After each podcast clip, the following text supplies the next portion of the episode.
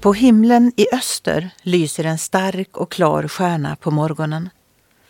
Den kallas ofta för morgonstjärnan. Det är planeten Venus som står väster om solen och syns tydligt före soluppgången.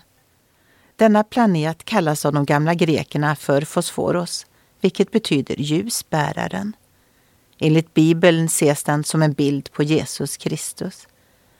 Morgonstjärnan kan få oss att tänka på Jesus och hur stor och enastående han är. Han står vid tidernas början och är lika levande vid tidens slut, stabil och förutsägbar. Han har skickat sina budbärare för att berätta att han blev en människa av Davids släkt. Nu är han morgonstjärnan som säger att evighetens soluppgång snart är här. Jag är A och O, den första och den siste, begynnelsen och änden. Jag är Davids rotskott och hans ättling, den klara morgonstjärnan.